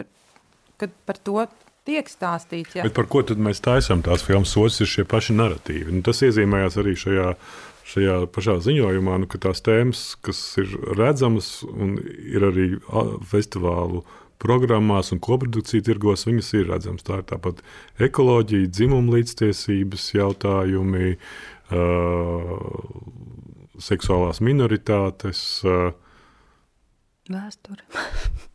Vēsture ir mazāk, starp citu, jā. Nu, varbūt viņi ir. Es domāju, Eiropas Eiropā, kontekstā. Eiropas kontekstā jā, jā. jā. Un, uh, nu, ne, nu, bet ir atkal, man liekas, tās divas lietas. Ir viens, ir varbūt tāds. Viens tas izskatās vairāk pēc politikas veidošanas, mazāk pēc auditorijas. Ja, tur arī, man liekas, ir. Nu, tomēr uh, mēs kaut kā laikam samiksējam. Arī viens ir tas tā kā, nu, tīrā izklaide, ja, kur tu patiesībā. Nu, tev ir nu, tāds popkorn kino, kur tu ej, nu, vienkārši tu ej izklaidēties. Tev pat nav tik ļoti svarīgi ne tās varbūt tur vērtības. Tu vienkārši gribi ļoti labi pavadīt laiku, un tu sagaidi, ka tu tik, tiksi kvalitatīvi izklaidēts, ja, tev patiks uh, aktieri, viss, uh, kā ir uzņemts, un, un, un, un stāsts tev aizrauj, tev ir pilnīgi vienalga. Un tad ir, nu, kā teikt, kaut kāds, nezinu, ne, negaida kaut kādu tādu varbūt tik lielu uh, katarsi no tā. Un tad ir kino, uz ko tu ej jau tā vēl apzinātāk, ka tu ej uz to kā uz tādu notikumu. Un tas ir, man liekas, arī nu, tas ir dažādas lietas. To, kā tajā kultūra politikas līmenī, tev, protams, to visu, nu, kā es domāju, vajag kaut kā saprast, ka tas ir vairāk uz to un to, un to visu to balansu atrast. Bet to, tā domājot par to auditoriju, to it kā nevar likt arī vienā. Nu, kā gribētos, ja ideālā gadījumā ir gan tas, gan tas, lai ir gan izklaidējoši, un tā, bet mēs šaut pa visu vienlaicīgi. Nu, vienkārši tas man liekas, nav ne īsti patiesi. Ne, nu, tā, ka tu mēģini izpatikt visiem, un tādu filmu priekš visi, visiem uztaisīts, ko visi ies. Jā, es gribēju pieminēt, arī nu, nav tādas filmas, kurā nebūtu kaut kāda noteikta ideoloģija, vienalga, ko mēs skatāmies. Es nezinu, tur, teiksim, nacionālā pasūtījuma kino, kuram mēs patiesībā sakot, biežāk pieturamies no tāda ideoloģiska aspekta, un mazāk mēs raugāmies teiksim, uz izklaides kino vai Holivudas kino, piemēram, Top Gun, kas man liekas ir ārkārtīgi ideoloģiska, kas ir, kas ir jūs esat redzējuši, nu, pilnīgi atsviež otrais pasaules, nebit augstais karš. Um, bet domājot jā, par šo te to teiksim, tā, tādu pārvērtējumu par to, kāds kino ir nepieciešams vai kādus stāstus ir nepieciešams stāstīt. Ir tik daudz jau iepriekš izskanējuši arī šie aspekti, un man liekas, ir. Domāju, ka šis ir tas mirklis, redzot arī pēc pandēmijas, ja mēs esam, ja mēs, esam, ja mēs jūtamies kaut cik domājot par šiem kinoteātriem atguvušies un domājot par to filmu, arī teiksim, publisko finansējumu. Uh, Un to, ka vidējais rādītājs liekas, pagājušo gadu tas indeks uz uh, vienu iedzīvotāju, man liekas, ne, bet tur bija, cik tur bija tas indeks, viens komats ar kaut ko Latvijā. Tad vidēji sanāk, viena filmu skatītājs Latvijā noskatās vidēji gadā. Sanāk. Tas rādītājs ir, ir ļoti, ļoti mazs salīdzinājums. No teātrī? Jā, viena filma gadā. Um, ir cik te... alkohola. Jā. Varbūt ir jāpalielina alkohola patēriņš kinoteātros. Dienas filmas laikā to nevar nu, izdarīt. Te vienkārši, un blakus vienkārši ieraudzīja, ka ir 41 pirmsrāde bijusi, arī ieskaitot vismaz 4 minūšu ar īsfilmas. Es domāju, ka ir kaut kāds laiks, kur būtu domāt par to publisko finansējumu, vai arī par šiem, nezinu, kādu stāstu nepieciešams stāstīt, bet arī par šo te apjomu. Un, vai varbūt tiešām nedaudz pat ne, es pat nezinu, vai ir nepieciešams šobrīd samazināt, jo tā nozara ir izaugusi jau noteiktā apmērā. Viņi ir kaut kā arī jāuztur savā ziņā. Bet tie riski, ko arī tas uh, iezīmē, tas Nostradamus reports, ka, ka, ka tā buma dēļ visas nozara kopumā uzaug, būvē studijas tam līdzīgi, jo ir straumēšanas platformas, ir ārvalstu filmētāji, visi kaut ko pasūta, visiem ir vajadzīgs. Ir vajadzīga infrastruktūra. Jā, es, es, nu, varbūt atgriežoties pie mums iepriekšējās, man gribējās arī papildināt, ka runājot par to pārprodukciju, ja, ka nu, tieši straumēšanas pakalpojumu, kā, kā, kā tas, šis biznesa modelis, viņi jau tieši, vē, ir tieši pēdējā laikā ļoti veicinājuši īpaši seriālu jaunu ražošanu. Tas bums tieši sācies arī tas ražošanas, nu, arī dēļ šiem straumēšanas pakalpojumiem, jo tev visu laiku vajag kaut ko jaunu, ja tev nemitīgi visu laiku kaut ko jaunu, jo tu katru mēnesi maksā. Līdz ar to tev, tev... Jā, bet tur ir arī tajā ziņojumā iezīmēts tas risks, ka straumēšanas platformas sāk uzvesties kā vecās studijas, kuras zina, kāda veida filmas ir jātaisa un kāda veida auditorijas Jā. ir jāsasniedz. Jā, bet, nu, zini, bet es domāju, ka, nu, ka tas varbūt viņi grib tā uzvesties, vai viņi, es domāju, jebkurā gadījumā viņi ir tā paši izaicinājumi, visi ir izaicinājumi priekšā, ka viņi nezina līdz galam. Tie visi arī šobrīd šie rekomendāciju rīki, viņi ir nu, tomēr primitīvi. Ja? Vienkārši es, es pat, pati sev uzdodu jautājumu, kāpēc Netflix man iesaka to, Kāpēc viņš domā, ka es ja vienreiz noskatījos kādu turku filmu, un es viņu iestījos kaut kādu pilnīgi citu iemeslu dēļ, nekā Netflix domā, ka es viņu noskatījos. Viņš man turpina ieteikt kaut kādas, nezinu, piemēram, romantiskās filmas, kuras es nemaz negribu redzēt. Tas, ko es gribu, lai mani pārsteidz, es nezinu, varbūt citi tā negrib, bet es, es tā viena gribu, bet es gribu, lai man, nu, man kaut kā pārsteidz, nevis man piedāvā to. Ne, nu, tam mākslīgais esmu... intelekts nav paredzēts šādu veidu algoritmu ģenerēšanai. Interesanti. Nu, būtībā, ja tas, kas, ko, nu, ko saka arī, ka tas, ka tie straumēšanas, tas straumēšanas pakalpojums, eh, kuri sapratīs to, atkodīs to kodu, jo viņi šobrīd visi strādā pie tā, ka, lai atkostu teikt, visu to programmēšanu pētījumus, par ko mēs te runājam, ko Dāņu institūts taisa, teikt, eh, viņi to caur, eh, māksli, no, caur datiem mēģina saprast, kādas ir kaut kādas tās sakarības ļoti dziļā psiholoģijā un visu tur profilēt mūsu ka tas, tad, kad tas būs atklāts, tad atkal sāksies pilnīgi. Es domāju, ka tā atkal būs kaut kāda revolūcija varbūt par to, nu, ka, mēs, ka viņi tiešām zinās daudz precīzāk, ko ļoti. Nu, ļoti profilēta auditorija, dažādi, nevis kaut kāda viena liela masa, bet tiešām mūs kaut kā visus sadalīt, par ko mēs paši pat nenojaušam, kurā grupā mēs vispār īsti iedaramies. Kā jums liekas, vai Latvijā pazudīs uh, būtiski kino auditorija tajā brīdī, kad uh, pazudīs uh, krievu titru filmām? Grūti spriest. Es nezinu, kāds ir bijis šo filmu kino apmeklējums, bet tagad jākopš pilnā mēroga iebrukuma Ukrajinā. Es domāju, kur, kur tad ir likusies tā auditorija, kas tad ir gājusi uz tām filmām, eglītes un, un viss, kas mums te tercītē no austrumu kaimiņiem sūdzās. Piemēram, Megago. Es vienkārši domāju, tādā ziņā, gan, nu, man, man ir tāda sajūta, ka uh, Krieva auditorija ir, ir viena no tām auditorijām, kas iet uh, uz kino, un ka kino ir tāds uh, diezgan nozīmīgs kultūras sastāvdaļa, bet es to saku tikai tā, man, tas ir mans tāds pieņēmums. Nav, bez datiem. Balstīts, bez datiem. Tā vienkārši man tāda sajūta, un es domāju, ka, jo, nu, piemēram, televīzijas jomā, televīzijā ir apmēram 50 tūkstoši ir aizgājuši no legālā tirgus projām, ja? Es domāju, ka šie cilvēki, iespējams, šī auditorija Arī varbūt viņiem tas ir daudz. Jo nelegālā satura tirgu. Ne, piemēram, jā, ir ne, nelegālie, dažā, nelegālie un legālie straumēšanas pakalpojumi, kur var redzēt jaunākās filmas ar titriem, tad kāpēc jāiet mocīties? Nu, acīm redzot, viņi šīs jaunākās filmas skatās, jo, kā man Facebook algoritms piedāvā ieskatīties um, uh, pazīstamā krievu kritiķa um, lekcijās, ko viņš pasniedz, un biļets maksā ne vairāk, ne mazāk, aptuveni 35 eiro. No tā tad šis kino notikums, kur viņš runā par, es pieņemu, arī aktuālo kino, ir gan trāpīgs konkrētai auditorijai, lai viņi šaurai, maksātu jā, šo, šo naudu. Jā, jautājums, jā, protams, cik tā auditorija ir liela, bet turpinot, ko Anna teica par tiem straumētāju datiem, jautājums jau ir, ko viņi ar tiem datiem darīs, kad viņi to uzzinās.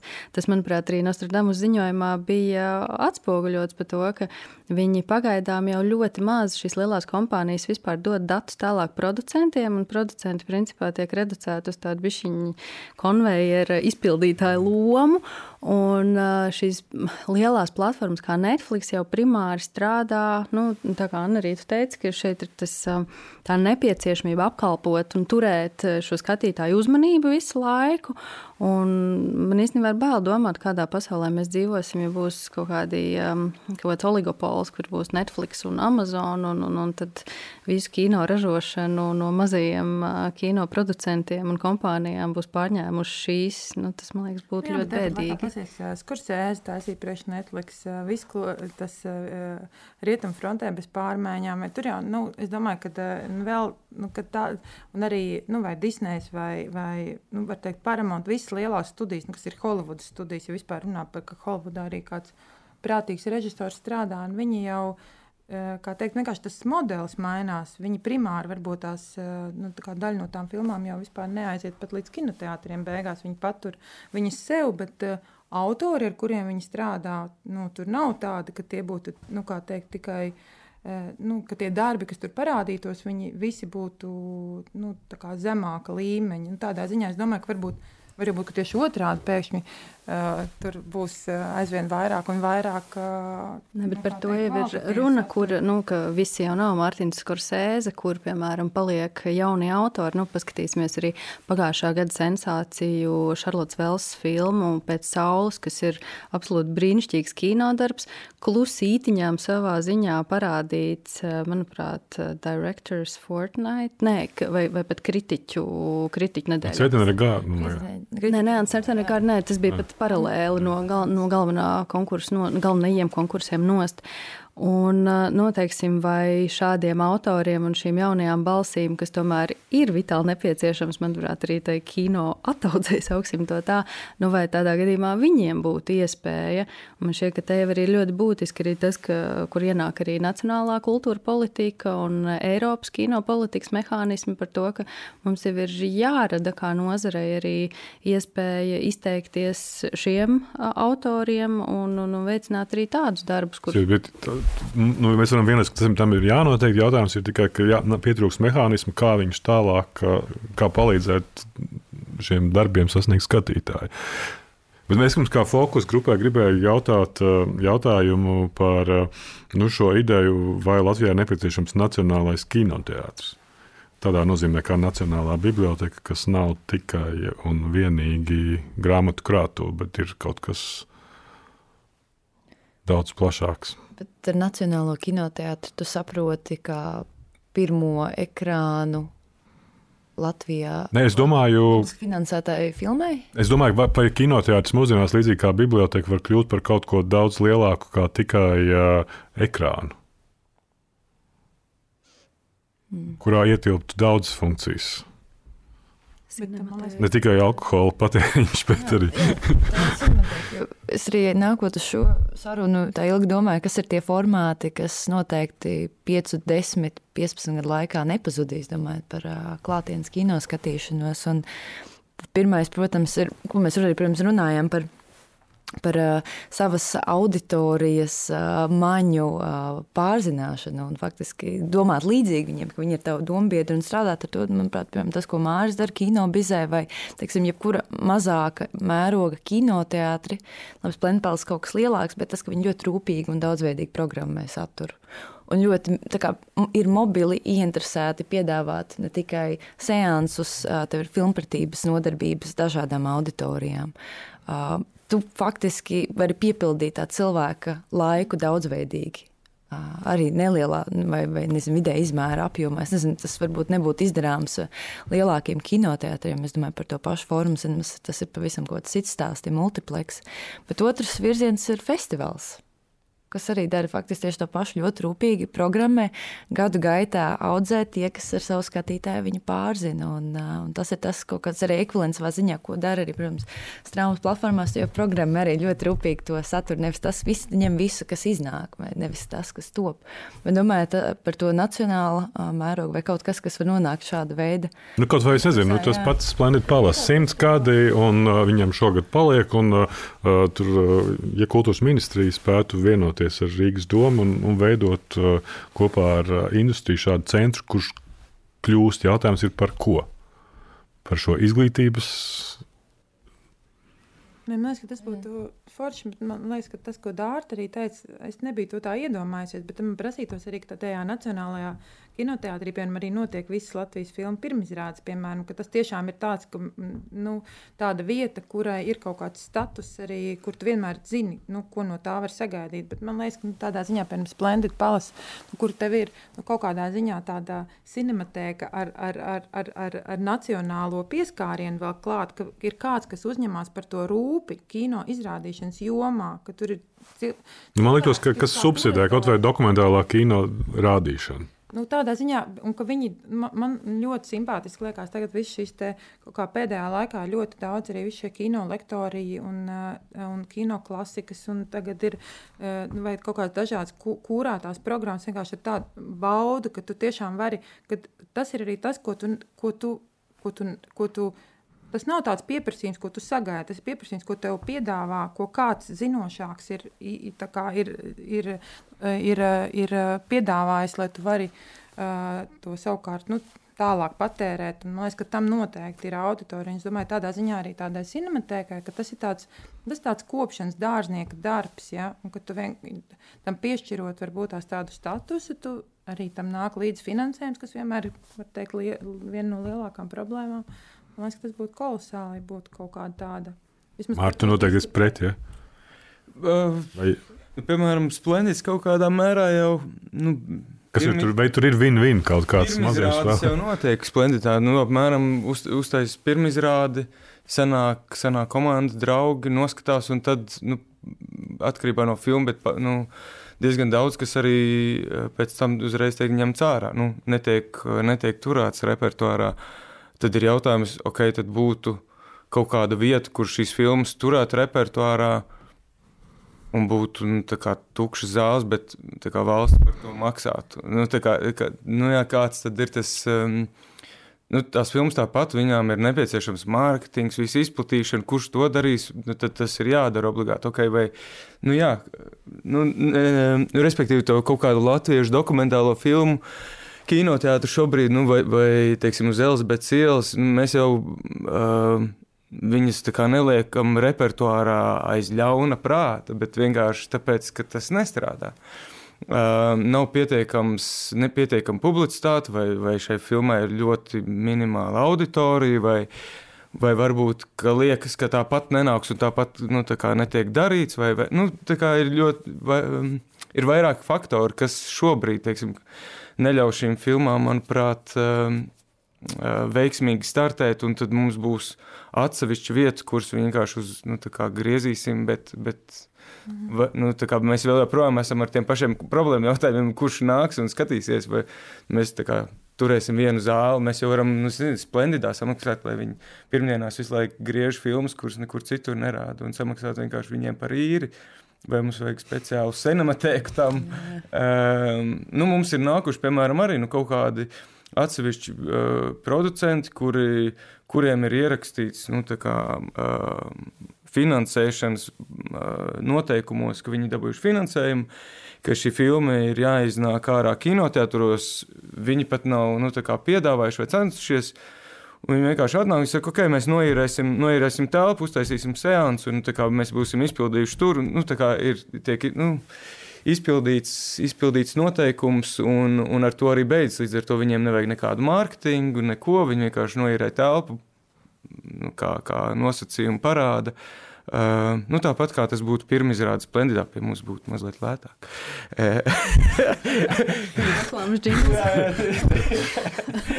Bet, nu jā, kaut kāds, nu, tur, ir tās, tur ir tie paši tie problēma. Kāpēc gan tur nevarētu? Mums ir kaut kur izkaisīts kino muzejs, cinotēks, mums nav vispār nu, tādā ziņā, nu, ka kaut kādā ziņā koncentrēti, bet ar mērķi tādu, protams, lai neiznīkst tas labais, kas jau nu, pastāv un kas ir nu, tas, ko.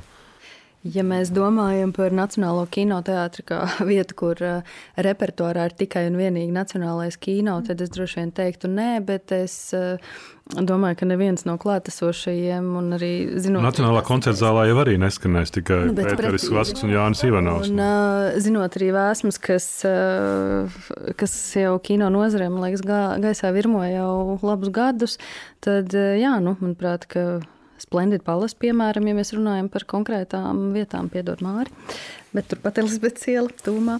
Ar šo cinematēku, ar kino muzeju apvienojumā, man liekas, ka tas būtu nu, kaut kāds diezgan feins scenārijs. Patiesībā nav jau tālu jāmeklē. Ziemeļa reģionā Trumsē, manuprāt, ir tieši tāds pats ekvivalents. Viņiem ir 1916. gadā, ja nemaldos, celts kinoteātris, kurā mājo un kur apsaimnieko Trumsas starptautiskais kinofestivāls. Tas arī tādu reklāmu nedaudz ieslidina. Viņiem ir cinematēka, notiek aktuālā kino seansi. Repertuārs ļoti līdzīgs kā Splendid Palace un Kino Bizē. Un, jā, tā ir principā tāda tikšanās un kino izglītības un kino arī savā veidā uzglabāšanas vieta, jo Norvēģijā viss ir decentralizēts. Mums droši vien tam ir krājums citā vietā. Es gribēju papildināt, um, tieši kad izskanēja vārds cinematēka, es laikam domāju par kultūras akadēmijas kino muzeju, kurš tuvākajos gados, ja nekas tik gauss un sāpīgs kā ar jaunā Rīgas teātra pārvākšanos Lačplēša ielu nenotiks, bet paredzēts, ka tur nokļūs kultūras akadēmija un tad arī kino muzeja telpas. Un, uh, tad jā... būs kino muzejs pie dzemdībām. Jā, jā, tad, jā, tas kino tieši dzims. Un, bet tur arī ir paredzētas arī nu, publiski pieejamas arī telpas un zāles. Un es domāju, ka tas arī ir viens veids, ja tev ir šis te lielais kinoekrāns, kā tu piepildi arī ar to saturu. Jo tur arī var izvērsties, rīkot arī šos seansus, retrospekcijas. Un, Es nezinu, vai ir kaut kā uzreiz jākonsolidē kaut kas daudz kas kopā, bet varbūt var kaut ko, es nezinu, tā kā var starp institucionāli vienkārši arī sadarboties savā starpā. Jā, jo tas ir Es arī domāju, ka nu, tādā ziņā piekrītu Mārim, ka droši vien nebūtu ok. Vienkārši tagad mums ir nacionāls kinotēātris, kur mums vienkārši ir kinoteātris, kur mēs rādām tukšās zālēs. Ja, tas jau galīgi nav tas mērķis. Man liekas, tieši tā, tas kaut kādā tādā. Uh, man liekas, tas tāds apvienota vieta, ja, kur, kur ir kaut kāds kūrēts uh, saturs, un kāds par to kā, tur rūpi. Un, un katrā ziņā man liekas, ka tam kopā tieši ar, ar, ar Eiropu, ar, ar Eiropas saturu, ar, ar tieši to kontekstualizēšanu, ja, e Eiropā kopumā, vispār kino vēsturē, man liekas, arī par to, ka bija runa šeit izskanēja, ka Eiropas saturs netiek skolās, varbūt vairāk. Un tas viss kaut kā vienkārši veido tādu, nu, kaut kādu stratēģiju jau tādu veidojās, kā vispār runāt par, par tādu kino izglītību tālāk, kā to veidot. Man liekas, tā forša ideja. Ir būtiski arī liekas, ar finansēm. Arī, nu, jo Splendid Palace, manuprāt, arī ir no tāda telpu nomas viedokļa arī diezgan prasīga vieta. Un, nu, teiksim, atkal varbūt šāda, vē, šāda statusa piešķīrums un papildu finanses līdzekļi tad arī dot atspēju arī vietējai kino nozarei, piemēram, gan pirmizrāžu, gan lektoriju rīkošanas vietu kontekstā, kas arī nav mazsvarīgi. Mēs... Gan arī pēcapstādes procesā, kur testēt savas uh, filmas, pabeigtās un puspabeigtās. Tas potenciāls no tāda Nostradamus viedokļa tur būtu. nu jā, šobrīd man liekas, to visu. Um, nu, tas viss notiek tikai tas notiek izkaisīti. Un tad e, tā, nu, tā, tā cinematēka izklausās, ka ienākt iekšā un, un nu, jo, nu, teiksim, arī nāk skatīties filmas uh, melno materiālu pirms filmas pabeigšanas, arī pie mums, teiksim, nāk, un uh, vai tas būtu, vai tā ir kino izglītība arī notiek, un ne tikai pie mums. Um, kaut kādas dokumentālā pirmdienas splendidā notiek. Un, nu, tā tās kaut kādas lietas, viņas jau nu, tā nav tā, ka mēs, mēs kaut ko pilnīgi ģeniāli jaunu uh, tagad uh, esam izdomājuši, ko mēs saliksim vienā cinematēkā. Tas viss notiek, bet tas viss notiek izkaisīti. Un tad ir jautājums, vai, vai tā ir. Um, nu, kino nozares uh, prioritāte. Nu, kā, aiz, nu, starp visām vajadzībām, kas, kas ir, nu, kaut vai tā pati izpēta. Nu, audzināt skatītāju, tas ir mūsu sarunas tēma, kā izaudzināt skatītāju. Jā, nu, jā, uh, nu, jā, un vai, tā, nu, vai tas būtu tas, kur, vai tas būtu tas, kur izglītīt, nu, jā, tas ir jautājums, uh, uz ko man nav atbildes, bet, uh, bet nu, tas būtu viens no veidiem. Labi, paldies. Gaidām jaunu Nostradamus reportu, kas laikam parādīsies pēc mēneša, un tad tiekamies atkal un skatāmies, kas ir noticis. Labi, paldies! Jā, paldies! paldies.